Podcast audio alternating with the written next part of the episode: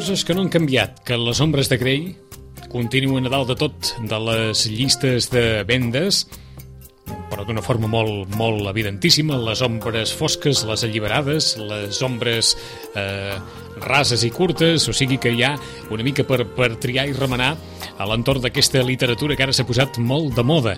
Eh, continuen sent presents alguns llibres que la Rosana també ens havia recomanat, entre ells el d'Albert Sánchez Pinyol, aquest Victus, sobre el setge del 1714, vist i recordat per un aprenent d'enginyer militar.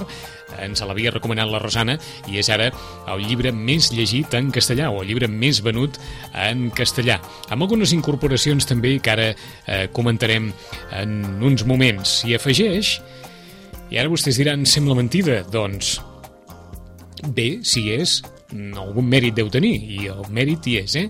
El periodista de Telecinco i company d'Anna Rosa Quintana, els matins de Telecinco, Màxim Huerta, una, la novel·la Una tienda en París s'ha ficat a la llista dels 10 llibres eh, més venuts en ficció en castellà. I en ficció en català, no sé si n'havíem parlat o no, però si no, ho farem d'aquí uns moments, de Que ningú no et salvi la vida, de Flavià Company, editat per Proas. Saludem a la Rosana Lluc. Rosana, bon dia, bona hora. Hola, molt bon dia. No sé per on començar, perquè la llista de, de vendes no ha canviat massa respecte al darrer cop que, que et saludàvem, eh? No, no, la veritat és que està tot bastant estancat, no sé si és que estem a la tardor, mm -hmm. també és un temps, no? Està, estem canviant, però de fet és cert que, que les llistes estan copades per, per unes ombres, eh? Oh, i tant. Unes ombres que... En català, en castellà... En català i en castellà, sí, sí. I a més a més ara, doncs, com que em sembla que ja ho vam comentar, Vicenç, que doncs, ja ha sortit tot un munt de literatura al voltant de tot això, uh -huh. el mateix tema. Eh? Jo no sé si amb, eh, amb tots els anys que portem conversant amb la Rosana, mai un autor, un sol autor, havia acaparat tant les llistes de vendes amb tants llibres diferents. No. I que no? No, no, no. no. Perquè, que, no, perquè... No, un llibre, dos llibres en català, castellà, d'acord, però, però és que tants llibres és que diferents... Normalment, eh, clar, tenia el títol en català i en castellà, podria. No? Exacte. Dir, per exemple, clar, el Ruiz Zafón, quan mm -hmm. sortia, doncs, de cara a Sant Jordi i tot això, doncs sí que la veritat que llavors acaparava i deies, home, mira, i és en català i en castellà, a les dues... Sí, és clar, però és que aquesta autora en té tres, és que llavors Sí, sí. s'acapara castellà i català. Sí, sí, és que tres a cada columna, eh? Exacte, té tres a cada columna, és un fenomen editorial, um, jo és que recordi després de, saps allò, fenomen el Código da Vinci, fenomen Mhm. el Millennium, eh, jo crec que els, els editors ja no pensaven que tornés a passar una cosa així i aquesta mm, va més ràpid. Més ràpid, vull dir, ha sigut a, fin, a, a nivell mundial, mm, és clar, és que no saben què dir, saps? Mm, Vull dir, estan que- astorats, eh? encantats de que els hi passi, perquè, esclar, és una sola editorial, Sí. és un grup editorial, mm, ja saps que ara, a més a més, s'acaben de fusionar, o sigui que, déu nhi eh? Mm. Ah, Uh, creus, que, creus que durarà molt, això? Mm, Aquest, aquest, Aquest fenomen, fenomen, sí. home, fins a Reis segur, eh? Jo crec que fins a Reis segur. El que no sabem és quan després de Reis. I el que sí és cert, que tu i jo ho sabem, és que això, doncs, mm, després aquesta moda passa i ja no se'n recorda ningú més Mhm. d'aquests llibres, eh? És, jo crec que és la diferència entre aquests, eh, mm, no sé, els, els anglesos que li posen nom a tot, no? Aquests són els fast sellers, eh? Sí. Els que se revenen ràpid, i després hi ha, el, el, dintre dels bestsellers, eh? Els, els, els long sellers. Per exemple, els Pilares de la Tierra seria un long seller, perquè Mm. els Pilares de la Tierra en porta venuts, mm, ni se sabe, eh? Però clar, fa molts anys, i llavors com que ell ha posat una segona part i tot això, però sempre hi ha algú que no l'ha llegit i, i- saps? I, i té aquell interès. Jo crec que això quedarà com una cosa que, saps? I ja no se'n tornarà a parlar. Suposo que et sents més propera als long sellers que als fast sellers, Sí. no? D'acord. Sí, vull dir, a veure, Era- això no era- vol era dir que com a ciudader els necessitis, vull dir, vull dir, saps? És allò que dius, bueno, eh, és una alegria. I el que sí és una alegria, Vicenç, que ha de reconèixer, que i això, en, en certa manera, és allò de dir, bueno, però com a mínim, saps? És un públic que de vegades, o sigui, hi ha gent que s'està acostant a la llibreria a buscar aquest llibre i no s'acostarien a buscar-ne un altre. Això és el que a vegades passa amb, eh? amb la música i amb moltes altres arts, eh? Sí, llavors Quan, dius... quan Pavarotti va treure aquella selecció, Exacte. que fins i tot hi havia aquell acudit tan fàcil de, del Tuto Pavarotti i de, i i de confondre eh, el nom de l'òpera amb el nom del tenor, etc etc. Sí. Eh, eh, o sigui que tu creus que aquest tipus de literatura és absolutament necessària, com a mínim, per acostar aquells Sí, lectors per- que no... Eh, aquella gent que no llegiria i que acaba potser Sí, aficionant-se a llegir a partir d'aquí. Sí, sí, i que dius, bueno, mm, eh, ells eh, hi disfruten, i està disfrutant, Està clar. molts lectors s'estan acostant a la lectura a través de, de les ombres de Grey i penses, bé, i hi ha gent que t'ho diu que, que portava molt de temps sense llegir res i ara li, li ve de gust, i, i això li ve de gust, doncs mira, benvinguts, no? Vull dir, és una mica que dius, bueno, benvinguts, si, si els atrapa la lectura i a més a més els atrapa d'una manera mm, que, vaja, que estaríem escandalitzats, Mhm. eh? Perquè normalment la gent el que et comenta és que se l'ha llegit, bueno, eh? Màxim una setmana. D'acord, ens agrada que ho plantegis d'una forma tan planera, perquè, com amb moltes passions, dins del món de la literatura també hi ha un punt de snob. Però no ho hem de ser tant, no? No ho hem de ser tant, no? Cadascú Per això ha de mateix. Poder, jo, jo crec Exacte. que el que està molt bé és que arribem a la lectura pels camins que sigui, però hi arribem, Exacte. no? I llavors cadascú hi arriba cap a la lectura. Per sort, és que Mhm. a més a més tenim un ventall tan gran... Com, que, de com, que arriba, com que arriba la pintura, com que arriba la música, com que arriba el que sigui, eh? Hi ha qui li poses un quadre al Barcelona i diu què és això? Mhm. I esclar, i nosaltres hi disfrutem, és que és això, no? Vull dir, per sort, doncs hi ha molt ventall, i jo crec que no, que, vaja, que no és gens despreciatiu, al contrari, jo estic contenta en aquest sentit, de dir, escolta, doncs, ells arriben a la lectura, que després continuïn un altre tipus de lectura, Mhm. bueno, és una mica feina de tots, també, no? Trobar, els, trobar què podrien llegir. A veure, els editors, com pots, eh, ja et deia, eh, s'estan esmerçant molt, eh? Ahà. Eh, Perquè eh, per si de cas, Sí. N'estan editant, tots els editors estan editant tipus de literatura d'aquesta, eh? Eh, tu preguntava perquè estem acabant el 2012, Mm. eh, ningú assenyala que el 2013 sigui millor, No. però aquest, eh, en el fons, i gràcies segurament a, a aquest tipus de literatura de gènere, eh, està sent, diguem-ne, un any que salva els mobles des del punt de vista de vendes? No gaire. No, gaire. tampoc, ni, ni amb això.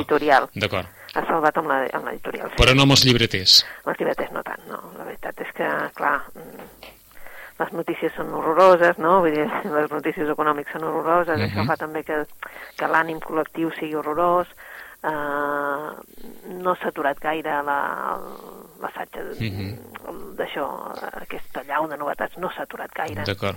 Ho hem de dir, vull dir, eh, clar, la demanda, l'oferta i la demanda no, no estan adequades en aquest moment, eh? Vull dir, hi ha És molta que- oferta, molta, molta, molta. Ara potser m'equivoco Mm. i, i, i segurament hi ha més llocs on es venen llibres, però eh, Sitges aquest 2012 haurà perdut dues llibreries.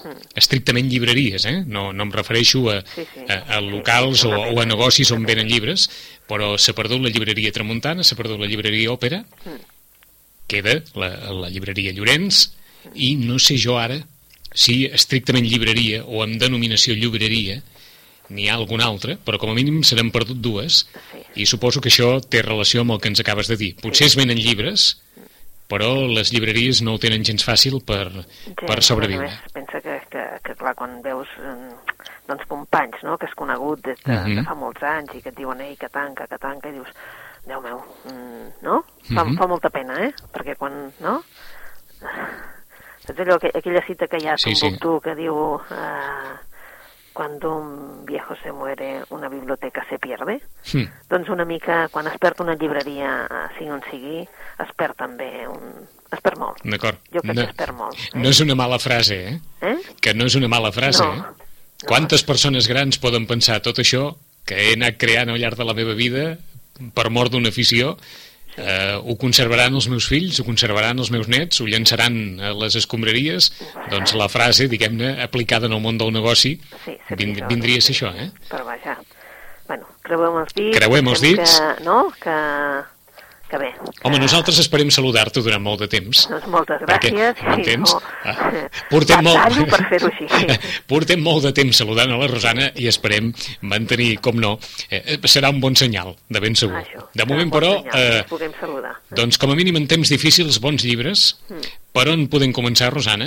Directament, Bé. ja anava a dir, directament a les recomanacions, perquè només gairebé t'apuntaria dues coses. Havíem parlat mai de, de que, que ningú no et salvi la vida? No, la no. Fàbia Company ens sorprèn, ens sorprèn perquè ha escrit un llibre curtet, un llibre que, que, que sorprèn, a més a més que, que jo recomano que l'agafeu i sense dir res més, eh? agafeu-lo, eh? Uh -huh. lo perquè és una lectura saps allò que sobretot amb el, la gent que ens agraden els llibres, eh? és un així més literari, però la veritat és que es llegeix molt i molt bé i és un llibre que, que és molt recomanable per la gent que, que li agrada. La literatura, sobretot, eh, això sí, ens agrada més a les dones, ja us ho dic. Eh? Però... Per, per alguna raó? Mm, bueno, perquè el personatge és femení, uh -huh. perquè, saps, vull dir, de vegades eh, té una le, la, la literatura que amb personatges massa femenins i tot això que, que, que agafa i, i vaja, jo t'haig de dir que no he, vingut, no he vist els clients que ens l'han comprat a nosaltres, tots, tots eren parelles i eren dones. Eh? Tots eren dones? Sí, I en perquè canvi... la Flàvia Company suposo que és, no sé...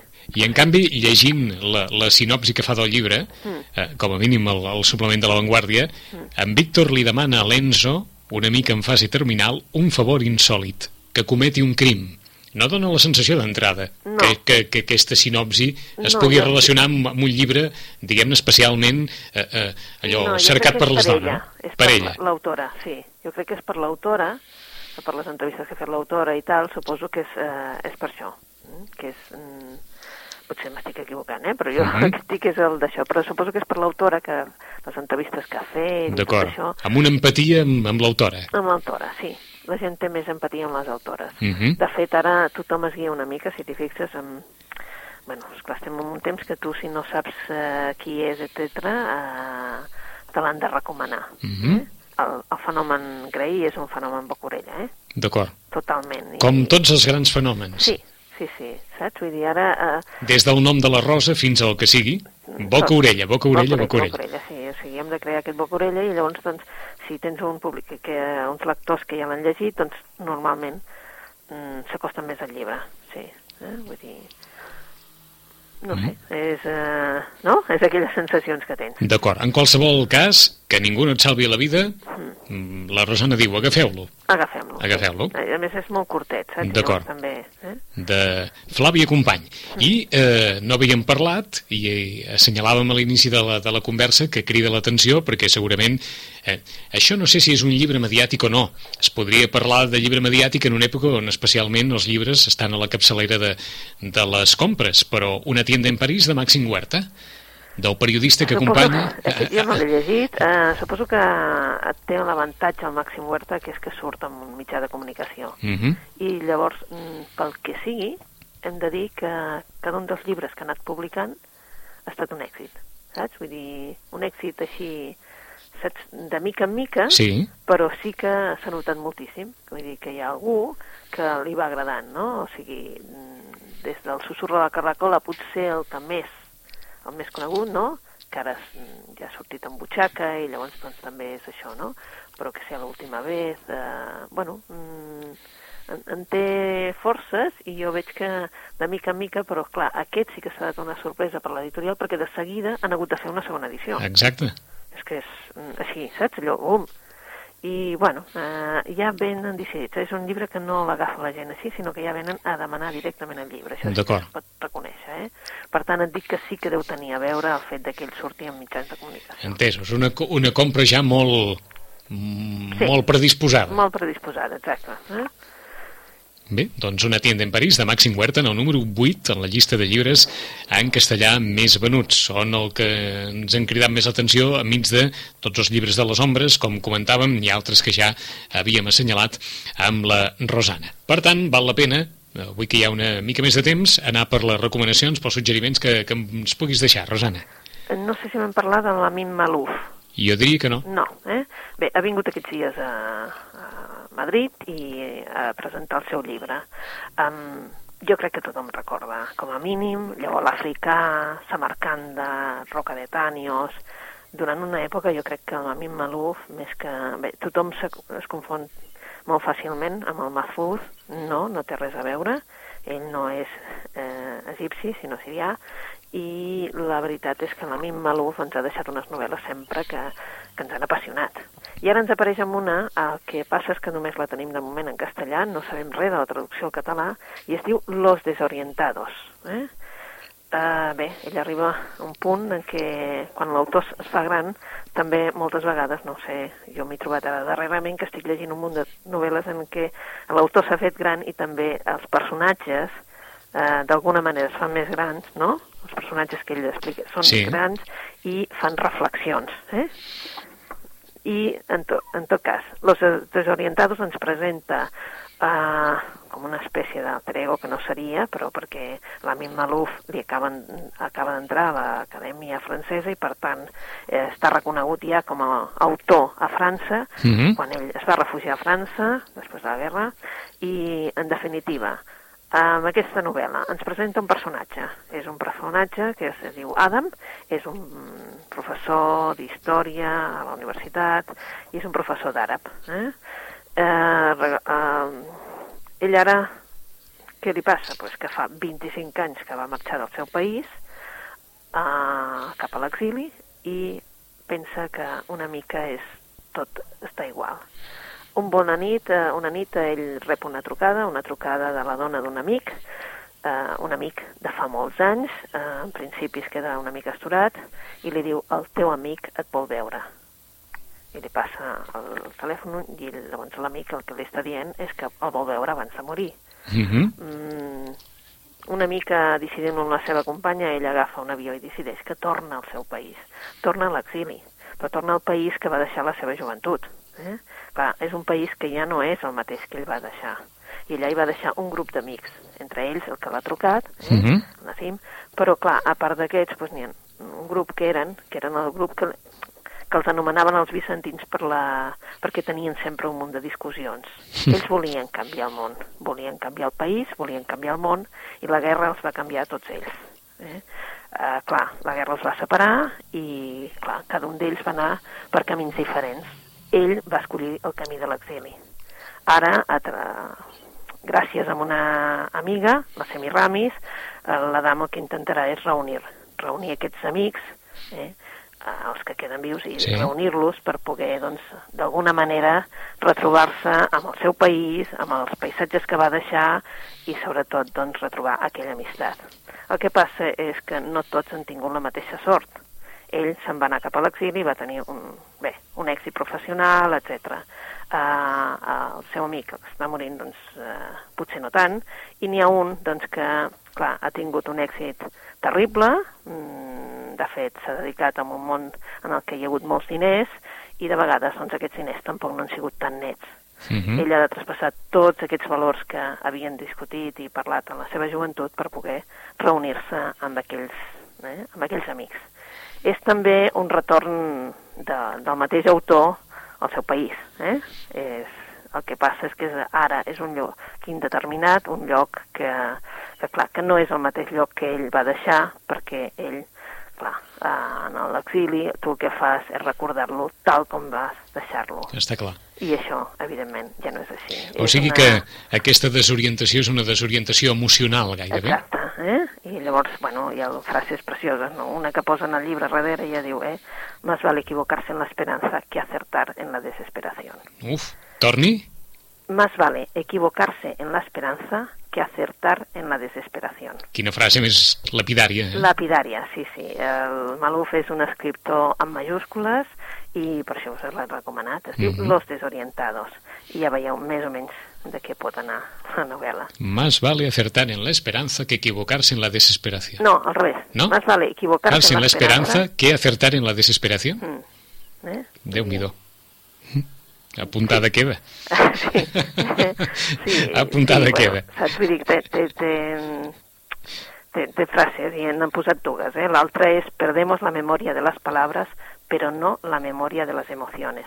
Que Mhm. també és preciós. Tota la raó, també. Eh? I tant. Vale? És preciosa la frase. Oh, i tant, oh, i tant. Bé, és, és un llibre, un llibre allò per disfrutar-lo, malgrat que ja veieu que, evidentment, doncs, eh, no és plaent en el sentit de que, clar, ell va allà perquè hi ha un amic, un Mhm. amic que, Que el reclama. Et vull veure, eh? Mhm. I tu ja veus que hi va haver un trencament. vale? perquè ell ja reconeix que hi va haver un trencament perquè ell va marxar cap a l'exili. Quan tu marxes cap a l'exili, clar, deixes moltes coses enrere, això és cert, no? I llavors, doncs, eh, és aquest retrobament i, a veure, i desorientat, sí, potser ho saben tots, eh? Los desorientados, de Min Malouf, eh? escriptor, egipci, eh, fincat, refugiat a França durant molts anys, i com deia la Rosana... No, ell, eh... ell va néixer al Líban, eh? Ah, perdó. No, jo deia que hi havia una mica de confusió de vegades entre l'Amin Malouf i el Naguib Mahfouz. Ah, exacte, que, eh? que era el que... Eh? D'acord, d'acord. Perdó, que era egipci. Eh? D'acord, doncs en qualsevol cas, el, el llibre té un punt, com ens comentava també la Rosana, de no autobiogràfic, però un cert alter ego de l'autor està ficat per aquí dins aquesta, aquesta història d'un home que vol retrobar, o millor dit, d'un dels seus amics que el vol retrobar abans de morir i a partir d'aquí s'obre un món on el grup d'amics de fa molts anys es retroben o s'intenten retrobar i cadascun d'ells amb una història eh, particular carregada de, de reflexions. Vaja, que ho podem dir com a literatura reflexiva, vaja. Sí. Eh? Qui, vulgui, qui tingui ganes de, de pensar, de, de reflexionar sobre sí, les coses... Una història d'aquelles, uh, bueno, d'un altre... Clar, el que passa és que sempre coneixem més cultures, no? Està clar, eh? està clar. Perquè aquesta vegada anem cap al Líban. Mm -hmm. Doncs hem començat per Los Desorientados, per on seguim? Bé, doncs podríem seguir per un llibre que just acaba de sortir, surt avui, eh, es diu El sentit d'un final, del Julian Barnes. Mm. Uh, bé, el Julian Barnes, doncs, cada vegada que publica, sobretot a Anglaterra, és un dels valors d'aquells segurs, segurs en literatura, perquè, doncs, bé, tothom ja té un, un acord de seguidors. Jo reconec que sóc una, una de les persones que el segueix i l'editorial Angle s'ha adelantat res un dia, eh? perquè avui ja surt també en castellà, però s'ha adelantat un dia i l'ha publicat ja. Uh, és una feina que ve fent l'editorial Angle, que se li ha de reconèixer, que està traduint no? segons quins autors que no tindrien doncs, cabuda en una altra editorial que no els estan publicant i en canvi ell ens els porta. No? Uh -huh. En aquest cas, el Julian Barnes és una obra també de maduresa, és una obra, al sentit d'un final ens parla de quatre amics que eren, eren quatre amics, en un grup de quatre amics. De fet, eren tres. Antoni és el protagonista, Antoni Webster és el protagonista de, de tota la novel·la. Ten, hi havia tres amics, un era Antoni, uh -huh. de cop i volta estaven a, a l'institut just abans de la universitat i apareix un altre company que s'ajuntarà amb ells, l'Adrian Finch. L'Adrian Finch, de fet, és el més intel·ligent de la colla, el més introvertit, el que llegeix tot el dia, és a dir, que és una mica diferent d'ells, però ells sí que l'acullen a la seva colla. Antoni i l'Adrian seran molt amics i uh, l'Adrian tindrà un final tràgic ja de jove i en un moment en què ell havia marxat, en el que el Toni no hi era en el, en el país per, i se n'entera doncs, quan jo, això ja ha passat. Mm? Uh, hi ha una cosa que ha passat amb la seva exnòvia. L'exnòvia del Toni comença a sortir amb l'Adrian. Mm? De fet, això també els separa una mica. Però ara Antoni Webster ja hi ha posat terra pel mig, han passat un munt d'anys, ell s'ha fet gran, mm -hmm. eh?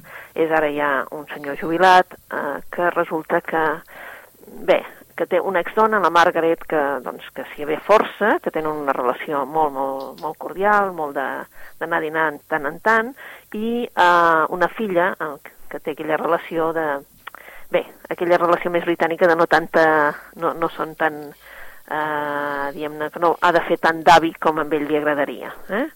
I, de fet, tot seria molt plàcid fins que rep una carta d'un advocat, un bufet d'advocats, que li diuen que li han deixat un llegat. Mm. És la mare de la seva exnòvia Òbvia. que li deixa un diari, el diari de l'Adrian Finch. Però que no li pot arribar perquè la seva exnòvia, la Verònica, el reté. Això, evidentment, porta un retorn als remordiments, al passat, si hem fet bé o no hem fet bé, què és el que podríem canviar del nostre passat, què és el que no podem canviar. L'hem entès? Hem entès el, el que va passar realment? O la nostra memòria desfigura tot? És una obra que jo us la recomano, és una obra preciosa, però que sí que és veritat que doncs, és allò de pensar fer una mirada enrere en el nostre passat, mirar les coses que van passant exactament en la seva amistat i veure si realment és el que va passar el que no i si realment hem entès alguna cosa. Déu-n'hi-do. Sí. Dic Déu-n'hi-do és, perquè... És un llibre breu, eh? Uh -huh. Però és un llibre doncs, que, que, que et fa doncs, pensar que de vegades doncs, les coses que tu... Clar, la memòria, la memòria es distorsiona tot. Mm? Perquè, evidentment, és la nostra memòria, és la nostra manera de veure les coses i eh, la nostra interpretació. També, evidentment, són els remordiments que ell ha de pair i llavors veurem l'acció. D'acord. Està molt ben plantejat el llibre, està molt ben fet i bé, és el Julian Barnes i llavors doncs, té, té aquell punt, saps? També de, de crítica a si mateix, eh? Mm.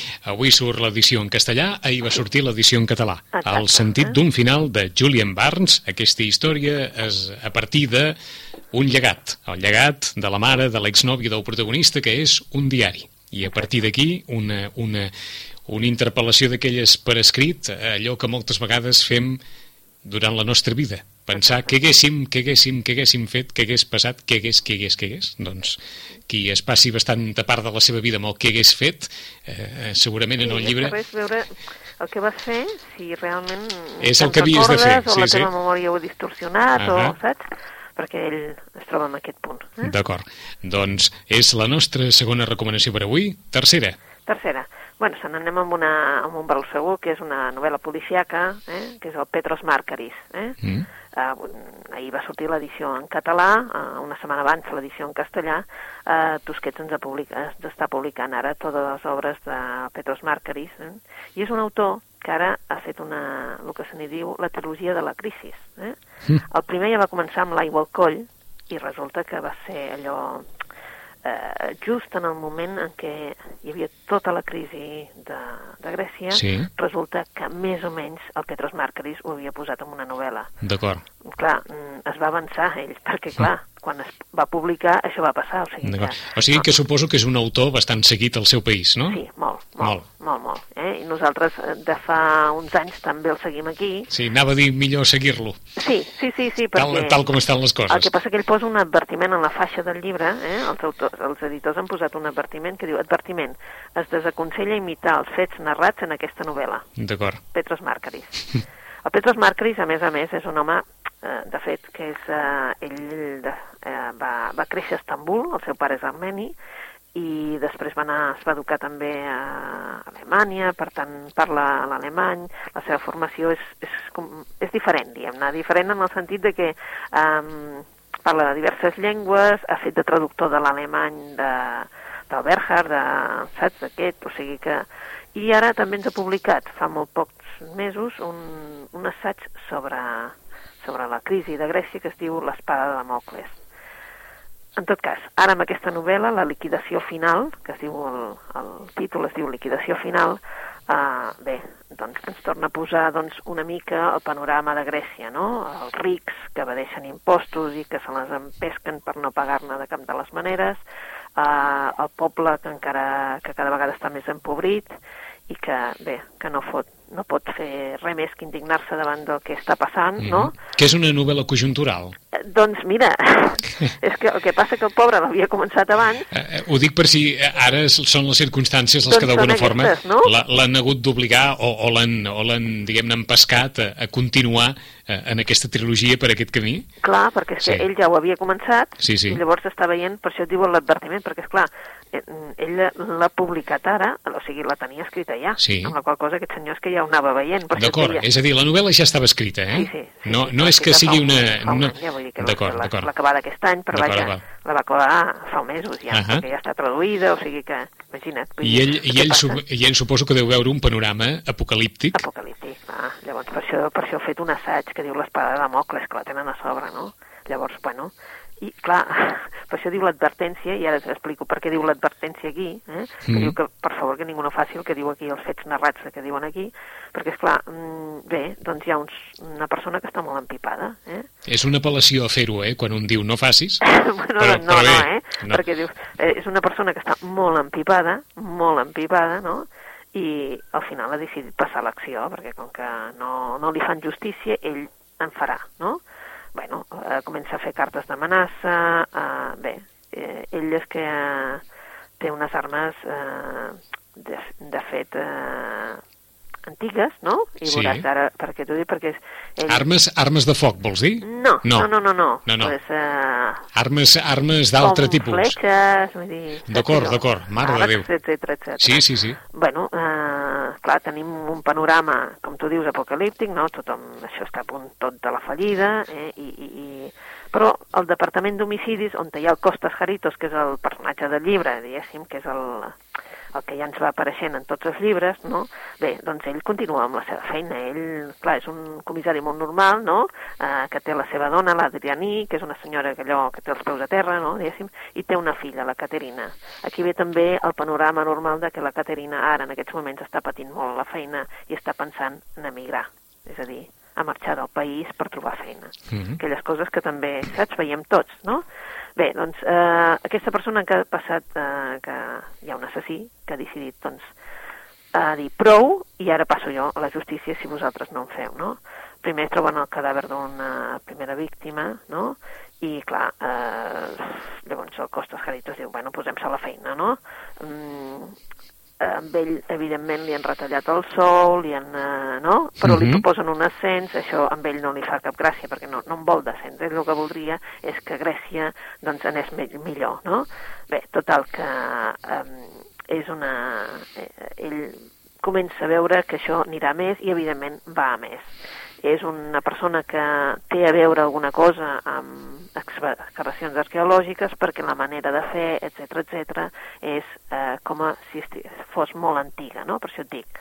Eh, fins, fins al final no veuràs qui és l'assassí, però vaja, eh, evidentment el Costas Jaritos ja us ho diem, eh? És una liquidació final, però no penseu que la policia no el trobarà. El Costas Jaritos trobarà el, el, el culpable i, evidentment, el portarà a la garjola. D'acord. O sigui que, en el fons, un policia investigador indignat amb el seu país sí, ha, però... de, ha de posar-se a treballar davant del cas d'algú que encara està més indignat i que ha passat a l'acció. Exacte. Eh? Llavors, clar, quan després d'un cadàver en ven un altre i llavors ell ha de córrer perquè això, vull dir, pot ser, si, si haguessin sí, sí, de trobar culpables, potser n'hi havia tants que, eh?